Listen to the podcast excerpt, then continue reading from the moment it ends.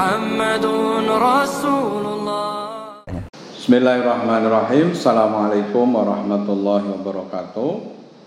Alhamdulillah Alhamdulillahi rabbil alamin. Arsala rasulahu bil huda wa dinil haq. Liyudirahu ala Wa kafa bila syahidan Asyhadu an ilaha illallah wahdahu la wa asyhadu anna Muhammadan abduhu wa rasuluh.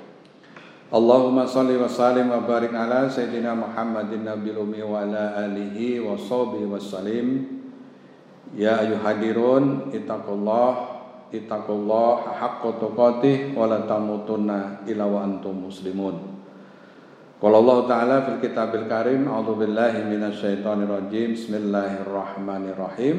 Kul inna salati wa nusuki wa mahyaya wa mamati lillahi rabbil alamin Qala Rasulullah sallallahu alaihi wasallam innama a'malu binniyat wa innama likumri'in ma nawa Jamaah yang berbahagia rahimakumullah. Alhamdulillah, mari kita memanjatkan rasa syukur kita kehadirat Ilahi Rabbi yang telah melimpahkan berbagai nikmat kepada kita sekalian. Nikmat berupa kesehatan, keselamatan, iman dan Islam mempertemukan kita di dalam bulan yang sangat mulia, bulan yang senantiasa ditunggu-tunggu, yaitu bulan Ramadan, meskipun dalam kondisi wabah seperti ini. Salawat dan salam semoga terlimpah kepada junjungan kita Nabi Agung Muhammad Sallallahu Alaihi Wasallam beserta para keluarga, para sahabat, dan insya Allah sampai kepada kita sekalian. Jamaah yang berbahagia rahimakumullah, kita mengetahui bahwa salah satu ibadah yang istimewa di dalam agama Islam adalah ibadah puasa sekaligus menjadi rukun Islam. Oleh karena itu pada kesempatan ini kita ingin berbagi bagaimana mengkaji dinamika puasa ini dari sisi psikologi atau dari sisi kejiwaan. Ibadah puasa adalah satu ibadah yang rahasia.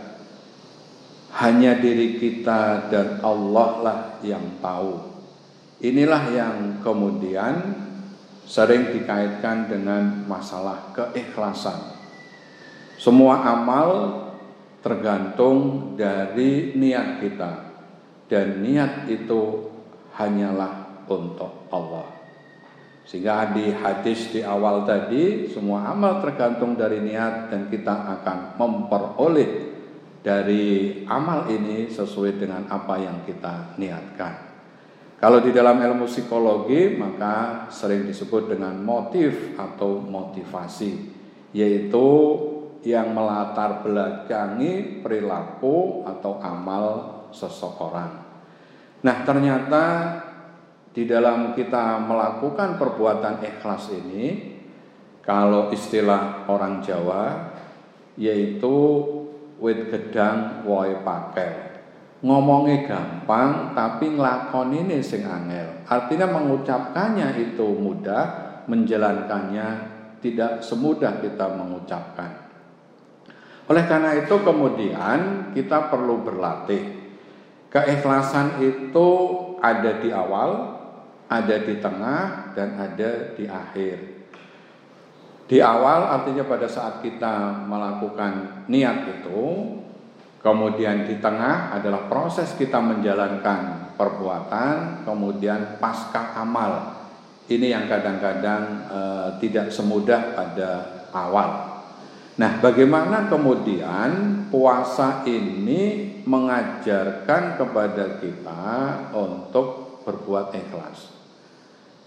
Semua amal perbuatan itu hampir semuanya bisa dilihat, bisa dipertontonkan kepada orang lain, kecuali puasa. Kita lihat misalnya syahadat, maka ada ucapan, bahkan bisa direkam, kemudian bisa diulang-ulang. Demikian juga tatkala kita sholat, wah pakaiannya begitu bagus, pakai sorban, pecinya putih, pakai tasbih. Apalagi tatkala kita berbuat uh, amalan yang terkait dengan keuangan. Misalnya kita bersedekah, boleh jadi kemudian ada wartawan, ada foto, kemudian diupload di media massa.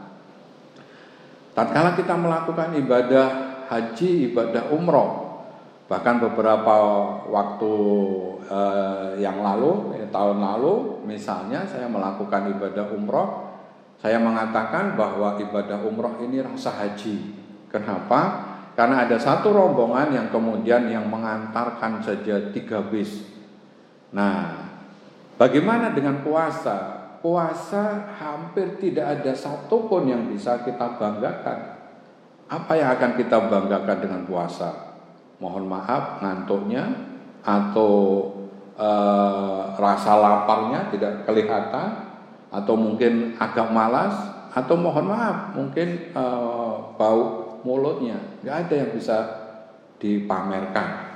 Oleh karena itu tidak mengherankan bahwa ada sebuah hadis semua amal itu akan balik kepada diri anak Adam kecuali puasa. Puasa itu untukku dan aku sendiri yang akan memberikan pahala. Sehingga di sisi lain nanti ada proses kegembiraan bahwa orang berpuasa itu akan memperoleh dua kegembiraan. Kegembiraan yang pertama yaitu gembira tatkala berbuka. Kita lihat pada saat kita berbuka dengan seteguk air, mungkin sebutir kurma saja rasanya sangat luar biasa. Kemudian kegembiraan yang kedua adalah tatkala kemudian nanti insya Allah kita menghadap Allah dan melihat pahala puasa yang sangat luar biasa. Nah, oleh karena itu, mari kita untuk menghayati betul proses keikhlasan ini. Bahwa puasa kita mampu menjaganya dengan baik. Pada saat awal yaitu kita sahur, menjaga terus-menerus sampai di akhir. Bahkan tatkala kita berada di dalam kamar mandi atau tidak diketahui oleh orang pun itu kita masih mampu untuk menjaga puasa. Inilah tatkala kemudian proses keikhlasan itu muncul hanya Allah yang tahu. Oleh karena itu ada beberapa ilustrasi bagaimana kemudian menjelaskan tentang masalah keikhlasan yang ini dikaitkan dengan proses pengawasan. Bagaimana tatkala uh, Umar bin Khattab kemudian bertemu dengan seorang gembala yang kemudian mencoba Umar bin Khattab, wahai anak muda, kambingmu banyak, bagaimana kalau saya membeli satu atau mengambil satu? Oh tidak bisa. Saya ini hanya pengembala, ini ada yang punya, yaitu uh, tuan saya. Nah, ini begitu banyak. Kan tuanmu tidak tahu. Betul, tuanku tidak tahu. Tetapi Allah Maha tahu. Subhanallah. Seorang anak kecil yang kemudian menempatkan bagaimana proses itu senantiasa diawasi oleh Allah dan ini mau tidak mau berkaitan dengan proses keikhlasan. Demikian juga cerita yang lain, bagaimana tatkala seorang ibu yang kemudian berdialog dengan eh, anaknya yaitu penjual susu, wahai anakku pada saat ini air susunya tidak begitu banyak. Bagaimana kalau kemudian kita campur dengan air? Jangan, kan Umar eh, Abdul Aziz itu melarangnya. Nah, kemudian pada saat itulah kan Umar ada di istana ya, uh, di istana tidak tahu. Ya, Umar tidak tahu, tetapi ingat bahwa uh, Allah itu maha tahu. Inilah dinamika bagaimana kemudian proses puasa itu menghasilkan satu proses keikhlasan yang kemudian itu dari awal dari tengah dan dari akhir. Ikhlas kalau kita lihat dari sisi matematik itu adalah nol. Ya, jadi kalau satu dibagi satu satu dibagi dua setengah dibagi sepuluh seper sepuluh artinya semakin besar pembaginya, motivasinya kita semakin banyak, maka hasilnya itu akan semakin kecil. Nah, kapan itu kemudian menghasilkan sesuatu yang besar, maka dibagi dengan nol, dibagi dengan kosong. Itulah proses keikhlasan. Nah, hari sekali lagi kita menghayati bagaimana kemudian puasa ini menghasilkan seseorang yang senantiasa melakukan sesuatu dengan ikhlas, kemudian ada satu proses pengawasan yang sering disebut dengan waskat, ada yang mengatakan pengawasan melekat, tetapi esensinya adalah pengawasan malaikat. Ada dua malaikat yang senantiasa mengawasi kita.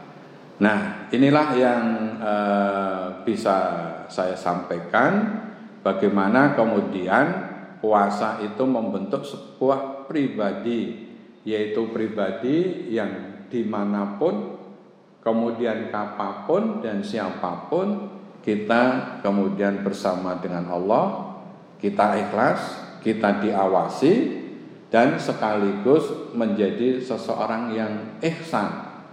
Dan kalau Nabi ditanya apakah ihsan? maka engkau seolah-olah waktu beribadah melihat Allah. Kalau Allah engkau tidak bisa melihat Allah, maka Allah mengawasi kita. Dan inilah yang dibutuhkan di era yang sangat sulit ini, bagaimana kemudian kita bersama dengan Allah, kita senantiasa ingat kepada Allah dan sekaligus akan memberikan satu proses ketenangan ala bizikrillah tatmainul qulub bahwa dengan ingat kepada Allah maka hati menjadi tentram. Mudah-mudahan amal ibadah kita selama bulan Ramadan bisa diterima oleh Allah membentuk manusia yang mutakin, pribadi yang bertakwa dan sekaligus sebagai bekal untuk 11 bulan yang akan datang dan kita akan bertemu dengan Ramadan yang akan datang. Kurang dan lebihnya mohon maaf. Bila taufik walidayah. Wassalamualaikum warahmatullahi wabarakatuh. La ilaha illallah Muhammadun Rasulullah